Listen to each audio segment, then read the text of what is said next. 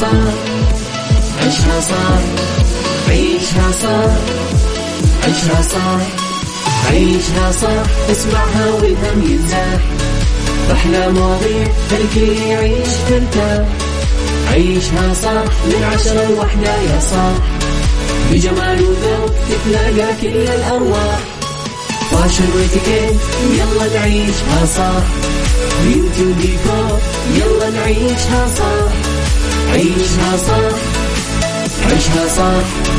على Mix FM يلا نعيشها صح. الآن عيشها صح على Mix FM. Mix FM هي كلها في ال mix. هي كلها في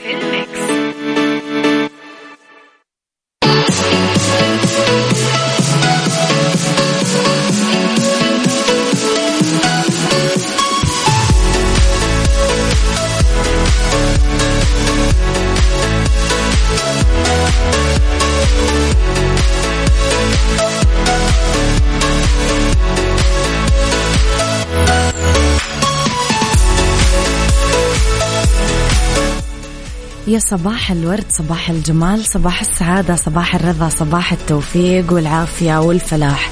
تحياتي لكم وين ما كنتم. صباح الخير آه عليكم من وين ما كنتم تسمعوني راح فيكم. من وراء ال mic وال control أنا أميرة العباس. بيوم جديد ساعات جديدة حلقة جديدة ومواضيع جديدة. بساعتنا الأولى أخبار طريفة وغريبة من حول العالم جديد الفن والفنانين وآخر القرارات اللي صدرت. ساعتنا الثانية قضية رأي عام وضيوف مختصين وساعتنا الثالثة صحة جمال ديكور the right track Mix Hacks star of the week psychology ربط أحزمة fashion وإتيكيت.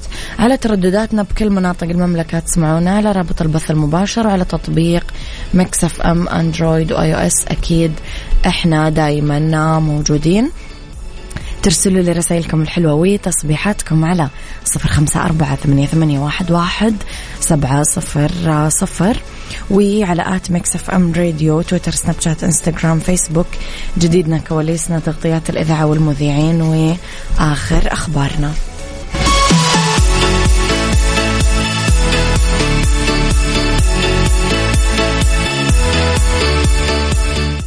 عيشها صح مع أميرة العباس على Mix FM. Mix FM هي كلها في ال mix. هي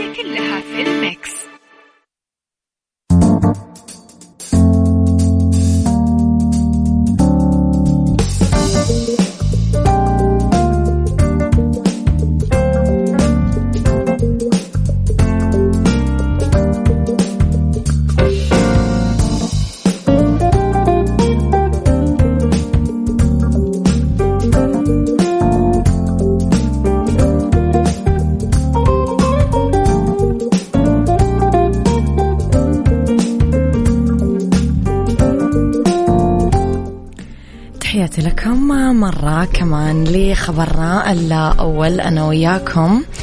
التعليم تسند تدريس طلاب الرابع الابتدائي للمعلمات. أسندت وزارة التعليم تدريس طلاب الصف الرابع الابتدائي بالمدارس الأهلية والأجنبية بمحافظة جدة للمعلمات وذلك بدءا من العام الدراسي القادم 1444 جاء ذلك في تعميم عاجل بعثته الوزارة خصيصا إلى إدارة تعليم جدة وضحت فيه أنه هذا السماح يأتي عطفا على ما حققته آه، من تطبيق إسناد تدريس الطلاب من الصف الأول ابتدائي لين الثالث بمدارس البنات الأهلية والأجنبية للمعلمات بنجاح. ولرغبة الوزارة كمان بالاستمرار بإيجاد بإيجاد بيئات محفزة للتعليم والتعلم. ودعما للاستثمار في قطاع التعليم العام الأهلي أشارت صحيفة محلية أنه هذا القرار خاص بمحافظة جدة والمدارس آه الأهلية فيها فقط آه مما آه يسير إلى أنه في طور التجربة وقد يتم تعميمه على كافة مناطق المملكة في وقت لاحق.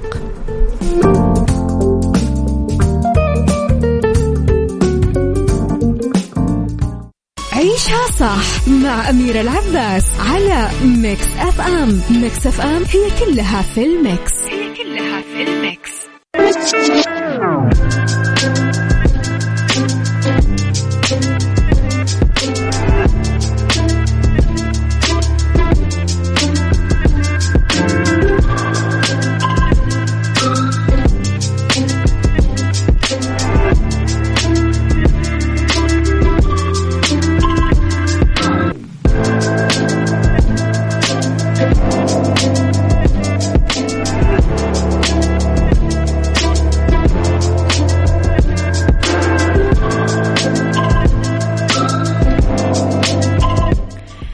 تحياتي لكم مستمعينا.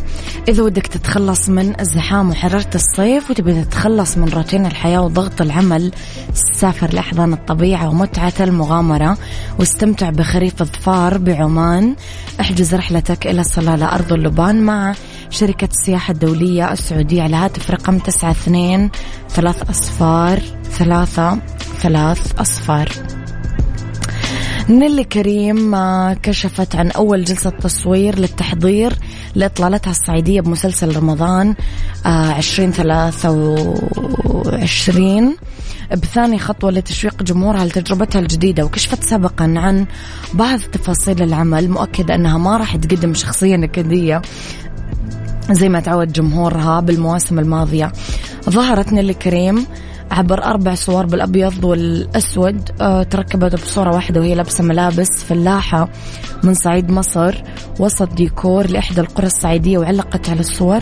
تفتكر مسلسل رمضان 2023 الصعيدي حيكون اسمه إيه؟ وإيه اسم الشخصية؟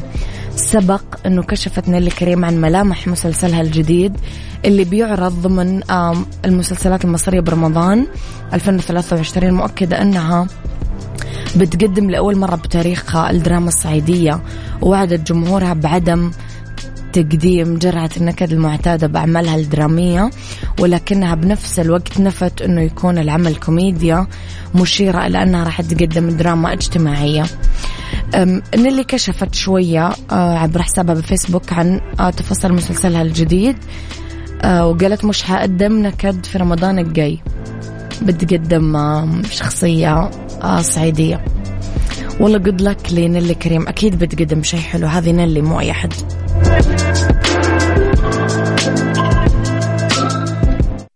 عيشها صح مع أميرة العباس على Mix FM Mix FM هي كلها في ال mix. هي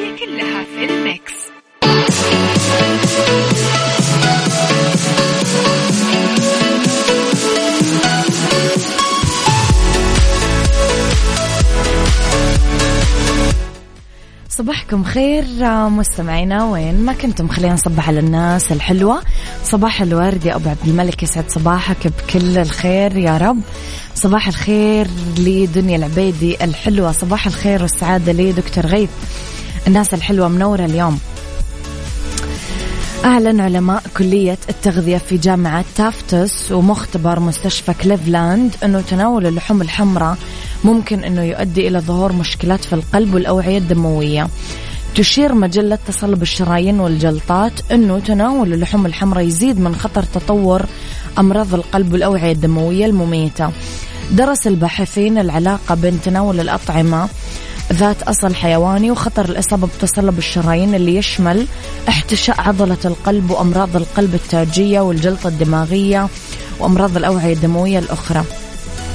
طبعا تسعى نتائج الدراسة للتأكيد على أنه استهلاك كمية كبيرة من اللحوم التي خضعت لمعالجة بسيطة يزيد خطر تصلب الشرايين بنسبة 15% وتناول أطعمة ذات مصدر حيواني بنسبة 18% الحمد لله إني أنا إيش ثلاث أرباع أكلي نباتي. يعني أنا ما أكل إلا البحري.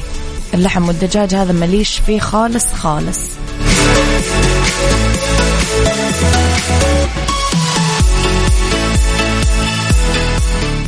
عيشها صح. عيشها صح. عيشها صح. عيشها صح. عيشها صح. عيشها عيشها صح اسمعها والهم ينزاح أحلى مواضيع خلي يعيش ترتاح عيشها صح من عشرة لوحدة يا صاح. بجمال وذوق تتلاقى كل الأرواح. fashion واتيكيت يلا نعيشها صح. beauty وديكور يلا نعيشها صح. عيشها صح عيشها صح. على Mix FM. يلا نعيشها صح. الآن عيشها صح على Mix FM. Mix FM هي كلها في ال mix. هي كلها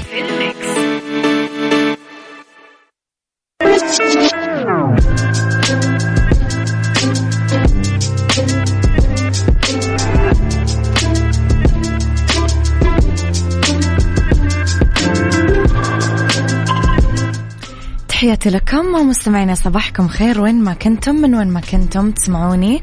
ارحب فيكم بالساعة اللي اختلاف الرأي فيها لا يفسد لي الود قضية لولا اختلاف الأذواق. طبعا لبارة السلع توضع مواضيعنا على الطاولة بالعيوب المزايا السلبيات الإيجابيات السيئات الحسنات. تكونون أنتم الحكم الأول والأخير بالموضوع. وبنهاية الحلقة نحاول أننا نصل لحل العقدة ولمربط الفرس. شكرا.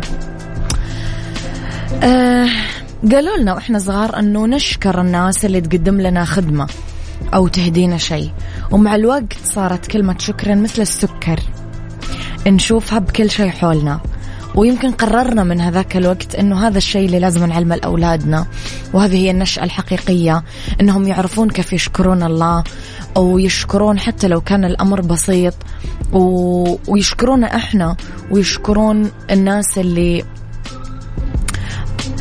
يقربوا لهم حتى لو مثلا الموضوع كان مجرد قطعة حلوة.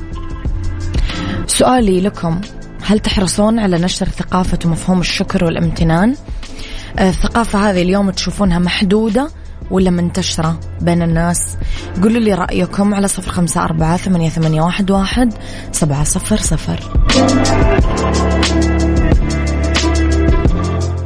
عيشها صح مع أميرة العباس على Mix FM. Mix FM هي كلها في ال mix. هي كلها في ال mix.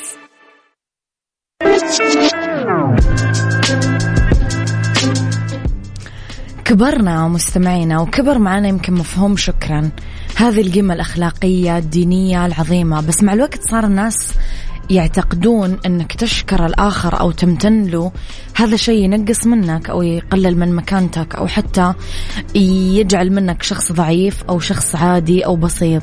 هذه الثقافة اللي نفتقدها في جو العمل مع الزملاء والعلاقة بين المدراء والمسؤولين وموظفيهم. البعض من المدراء وهنا ما نعمم بس نخص هذه المجموعة دائما مقتضبين في كلماتهم مع موظفينهم مع إنه جملة صغيرة مثل جملة يعطيكم العافية بارك الله فيكم أحسنتم. لها تأثير سحري على هذا الموظف اللي ممكن ما راح تتخيل إنه بيعمل وبيقعد يشتغل ساعات إضافية بدون ما يمل لأنه تقدير الآخر لو للقليل مفعولة مثل السحر.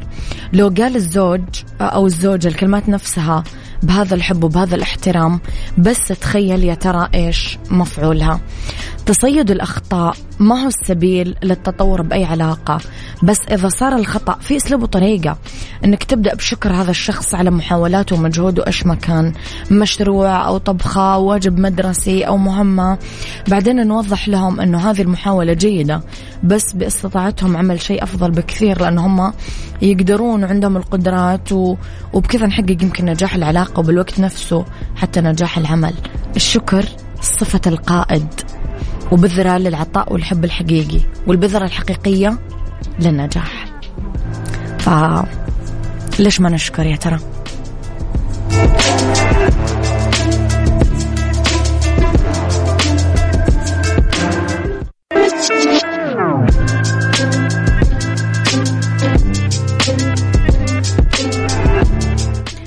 أكيد طبعا الكل يسمع عن طرق الاحتيالات والنصب الإلكتروني. ومشكورين اليوم الشركة السعودية لحلول القوى البشرية سماسكو قامت بالتوعية بحملة خلك حريص وتحذر من طرق الاحتيال والنصب عبر الاتصالات اللينكات المواقع الوهمية اللي تدعي أنها راحة من سماسكو وتقدر توفر لك عمالة منزلية آه، ويطلب منك رقم الفيزا أو التحويلات البنكية. خلك حريص. ومهمتنا نقول لك أنه طريقة التعاقد المتاحة مع راحة سماسكو هي فقط عن طريق تطبيق راحة. خليك حريص خليك على التطبيق. عافيتك ضمن عيشها صح مع أميرة العباس. عافيتك برعاية المركز الطبي الدولي على Mix FM.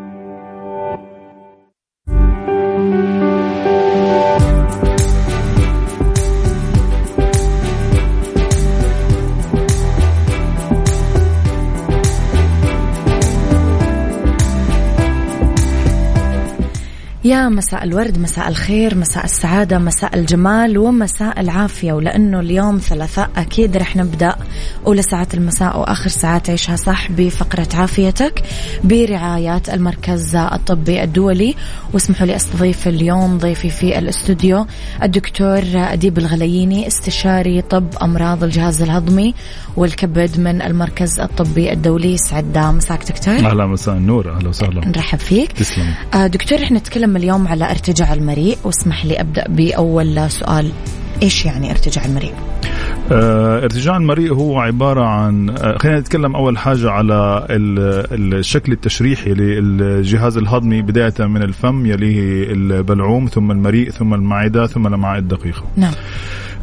طول المريء تقريبا حوالي 30 سم وبعدها بتيجي المعدة يفصل ما بين المريء والمعدة آه، صمام آه، سفلي من يصنف من العضلات الملساء اللي هي بتقوم على عمل طريق موحد للاكل أو الشرب اللي هو ماشي مع الجاذبية الأرضية من المريء للمعدة بدون الرجوع.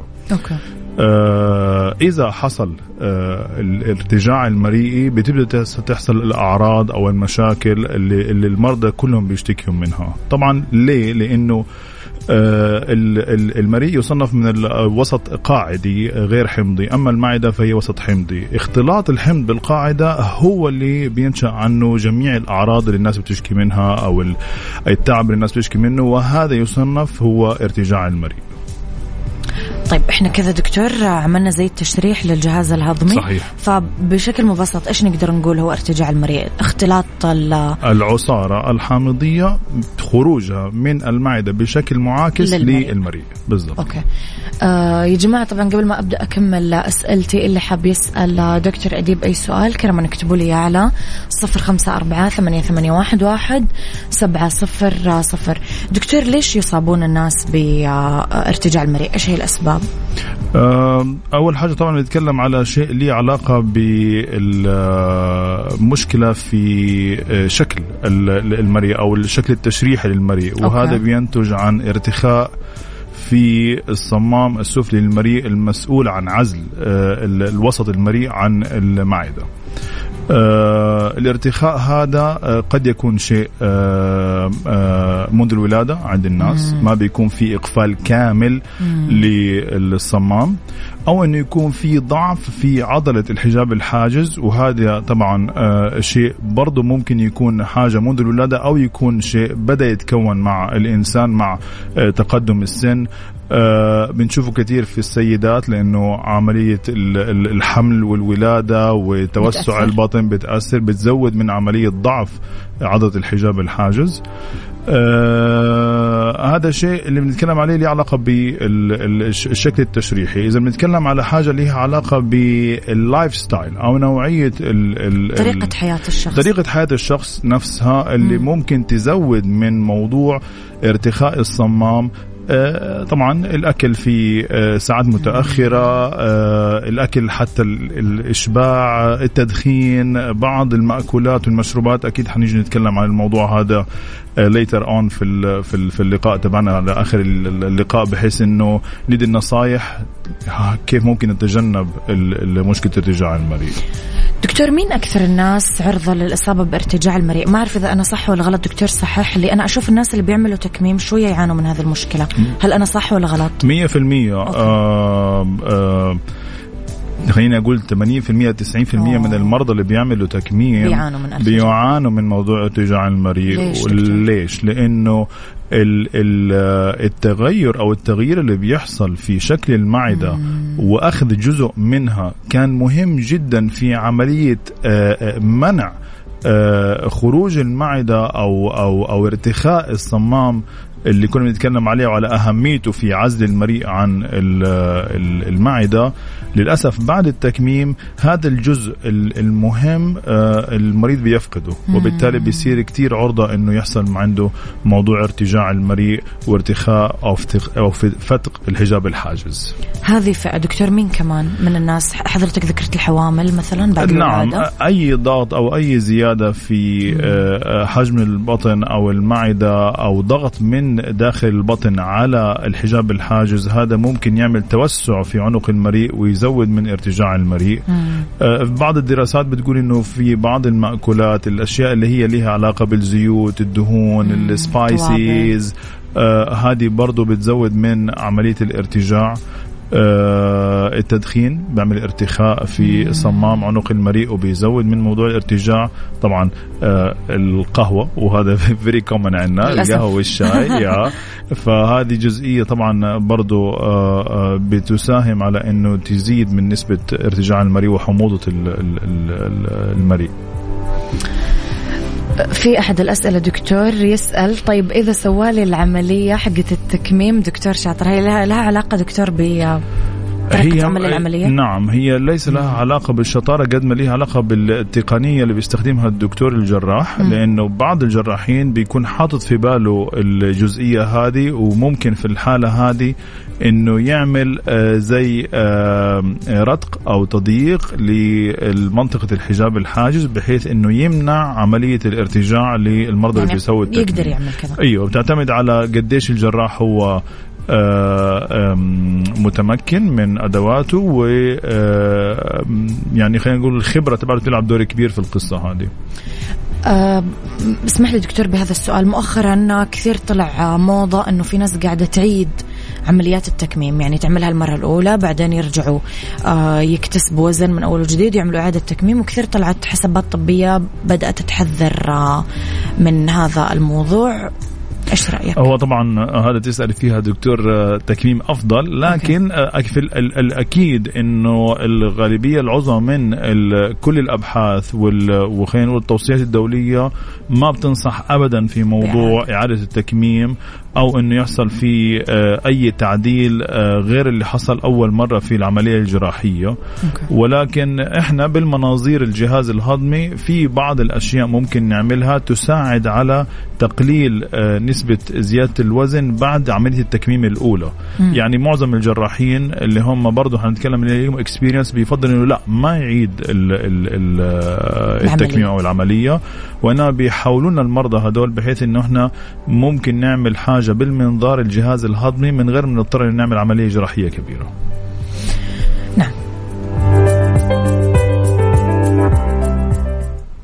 عافيتك ضمن عيشها صح مع أميرة العباس. عافيتك برعاية المركز الطبي الدولي على Mix FM.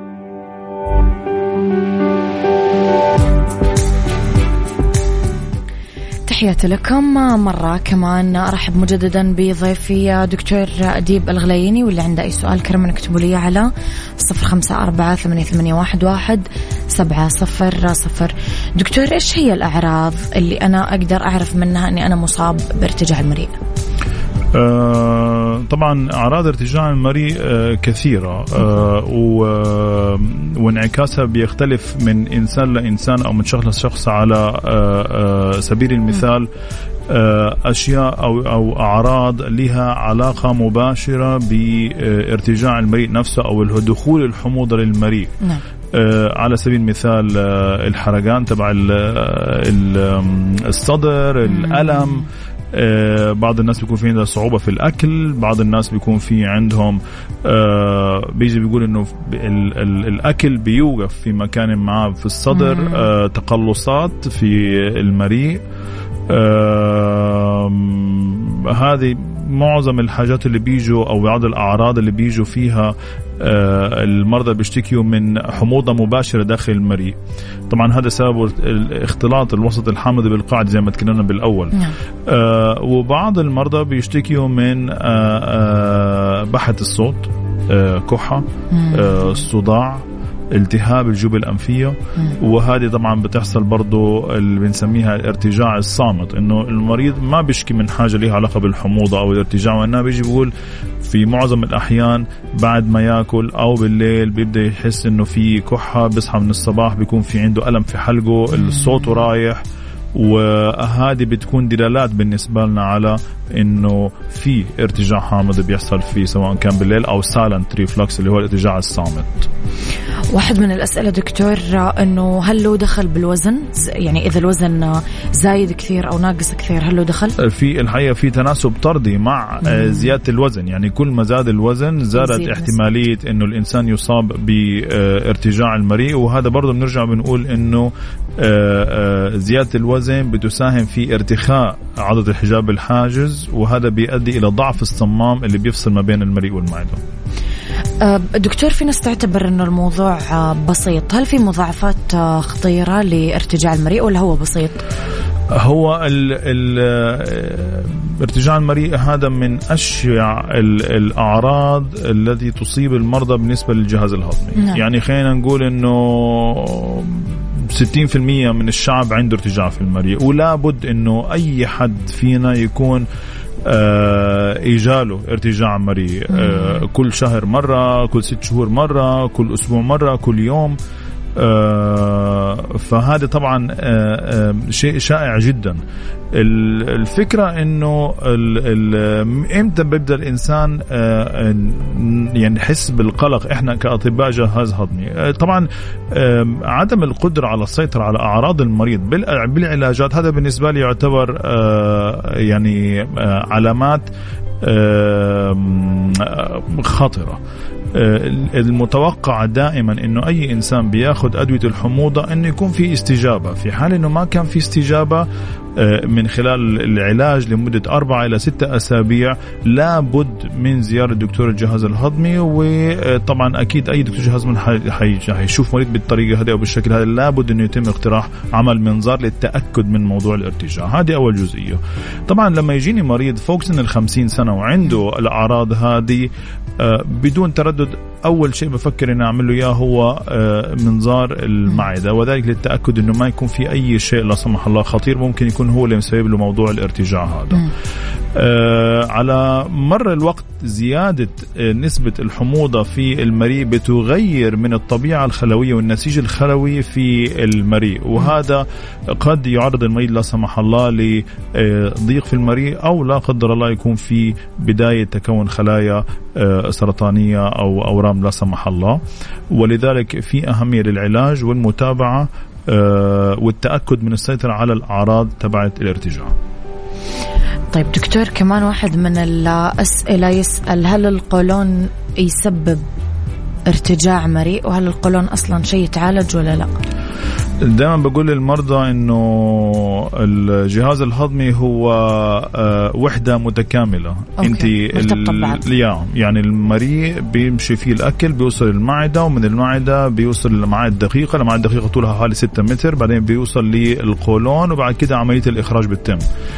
إذا تعطل ال ال ال العملية البيولوجية تبعت الإنسان في أي مكان ما بيحصل في تأثير على back pressure بالضبط آه. ضغط ضغط آه آه عكسي. آه فلذلك الناس اللي عندهم مشاكل في القولون الناس اللي عندهم خلينا نقول مشكلة في عملية الإخراج أو الامساك حتلاقيهم عرضة أكثر لعملية الارتجاع من الناس اللي بيخشوا الحمام daily basis ما عندهم مشكلة. يتعالج القولون ولا لا دكتور الجزء الثاني؟ القولون العصبي هو من طبعا إيه، هذا محتاج حلقة ثانية منفصله صح القولون موضوع احس complicated مرة يبغى له فالنقطة إنه آه، القولون هي من الأمراض اللي برضه كثير شائعة آه، ممكن السيطره على أعراضه ممكن to control it لكن آه، إنه علاج دائم. to cure it completely هذا الشيء ما هو سهل طبعا. ما هو سهل يعني مو موجود. يعني إذا حد قال حاجة زي غير كذا أتوقع إنه بيكون في يعني تناقض في في الأقوال والمعايير الطبية. لأنه القولون العصبي هو جزء آه، يعني من آه، طبيعة الإنسان. في تحسس لأعصاب الجهاز الهضمي كلها بتكون من ضمنها القولون. آه، بتنعكس طبعا على طريقة الأكل طريقة ال lifestyle. again مرة ثانية you can control بإمكانك تسيطري بإمكانك تقلل الأعراض لكن ان تختفي 100% يعني نوع إلى حد ما صعب شوية.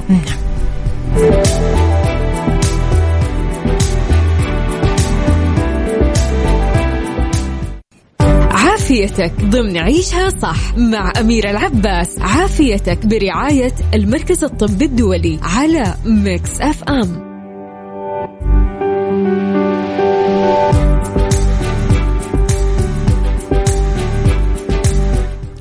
تحياتي لكم مستمعيني تحياتي لدكتور أديب الغليني مرة أخرى. دكتور كيف نقدر نعالج ارتجاع المريء طيب آه بداية العلاج هو تشخيص طبعا وتشخيص زي ما اتفقنا إنه أعراض معينة بيجي فيها المريض بيشكي منها بنتأكد منها من خلال الاخذ العلاج والاستجابة لي أو عمل المنظار أو في بعض برضو الأشياء ممكن نعملها كقياس آه, آه، حموضة المريء ببعض الأجهزة لدينا. آه العلاج ينقسم إلى آه، ثلاثة أقسام. القسم الأول أنه أن بداية تغيير نمط الحياة وأسلوب الحياة من خلال نوعية الأكل من خلال الرياضة من خلال تخفيض الوزن آه تقليل التدخين. الامتناع عن التدخين أو تقليله بقدر المستطاع. آه آه يعني بشكل عام أي حاجة غلط يحاول يصلحها بحيث إنه يرجع آه، قوام الجسم ونسبة الحموضة في المعدة تكون معقولة بحيث إنها تقلل من عملية الارتجاع. بنقول لهم إنه بلاش آه، ثلاث ساعات قبل النوم آه، الأكل يتوقف الأكل والشرب. الناس اللي بيشتكيوا بشكل كبير من موضوع الارتجاع يفضل إنه ما يناموا فلات أو يناموا بشكل مسطح أثناء النوم. يكون في ارتفاع بسيط في ظهر السير بحيث إنه نمنع عمليه الارتجاع أثناء النوم. آه، تجنب الأدوية أو المسكنات اللي مرة قوية لأنه هذه برضه بترفع الحموضة في المعدة. هذه الأشياء اللي هي اللي بنقول بشكل عام لأي حد بيشكي من ارتجاع إيش يعملها أو كيف يعملها. هذه step 1 exactly step 2 هي اللي لها علاقة بالعلاج نفسه أو الأدوية بتستخدم طبعا أنا متأكد أنه 90% من ال ال ال ال ال الشعب عندنا آه، إلا ما أخذ بنتازول أو آه، الأدوية تبعت الحموضة هذه عندهم خبرة فيها أكثر من الدكاترة نفسهم. صحيح. صحيح. وبالتالي آه ينصح بأخذ الأدوية هذه بناء على توصية الطبيب. مو عشوائي. مش عشوائي. مم. أيوه لأنه هذا ما هو صداع ياخذ بنادول أو شيء. لا لابد إنه يكون في آه، آه، أخذ في عين الاعتبار إنه هذا علاج واعطائه لابد إنه يكون عن طريق آه، توصية الطبيب لأعراض جانبية. لابد إنه المريض يكون عارفها. ما في مشكلة في الاستمرارية فيه ولكن آه لابد إنه يكون المريض عارف إنه في متابعات مع الدكتور بحيث إنه هو في أشياء معينة بيتأكد منها وبيشيك عليها بشكل دوري آه للتأكد من صحته والتأكد إنه الدواء ما عمل له أي مشكلة عرض جانبي.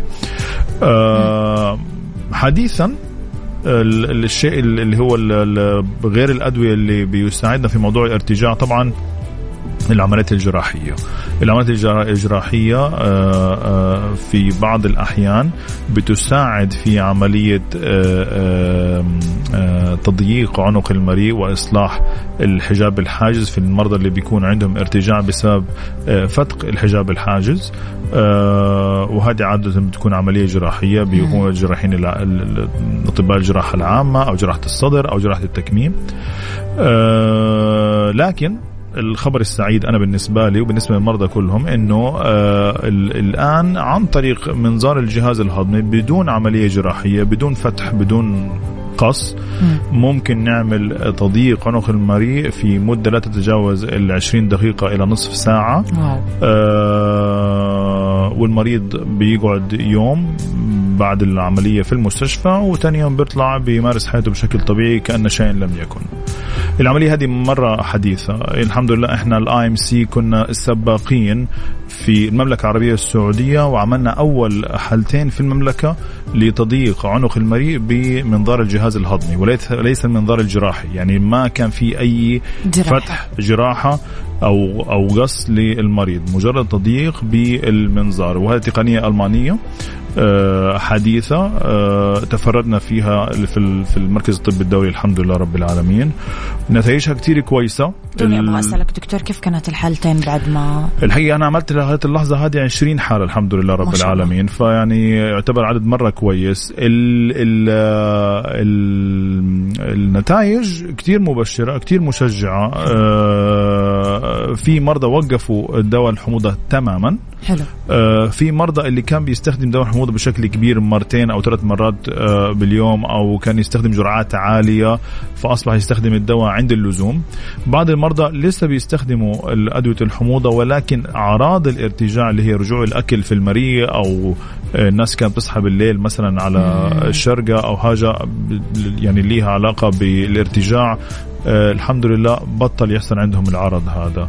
فهي تقنية حديثة. آه ميزتها أنه طبعا بتجنب المريض العملية الجراحية أو عملية الاستشفاء الطويلة اللي بيستغرقها المريض بعد العملية الجراحية. و...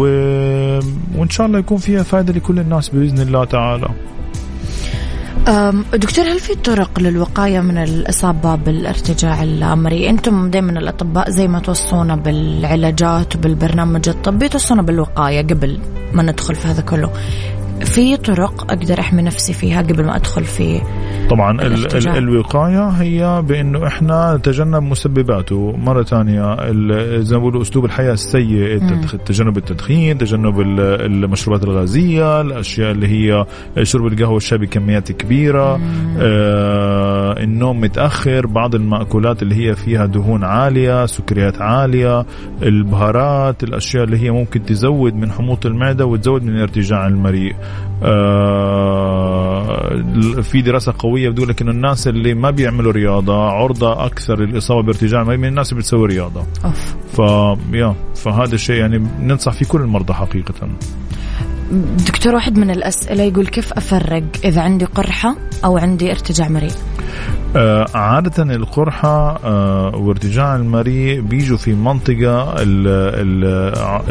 خلينا نقول في أعلى البطن. آه، مش من السهل إنه الإنسان يفرق بينها غير بالمنظار. يعني لما نعمل منظار الجهاز بالضبط كده. يعني مش سهل إنه الإنسان يفرق ما بين الاثنين. يشبههم بعض كثير كثير بيشبه بعض في الأعراض وحتى في منطقة بداية الألم مم. بيكونوا كثير متشابهين. لذلك ممكن يختلط على المريض إذا كان هذا ارتجاع أو هذه قرحة بالمعدة. آه، من الصعب إنه نقول إنه ممكن يفرق من شدة الألم لأنه بعض المرضى بالارتجاع بالنسبة لهم بيكون المه زي ألم الذبحه الصدرية. فصعب جدا إنه هو يقدر يفصل من بين الاثنين. لذلك أفضل إنه هو يشوف دكتور بحيث إنه يعني أكيد حيحتاج يعمل منظار أو شيء من هذا القبيل. ويعرف دكتور إيش النصيحة اللي تقدمها للمستمعين اليوم؟ بالنسبة لأسلوب الحياة وتغيير نمط الحياة هذا مهم جدا أنك تتجنب آه، ارتجاع المريء.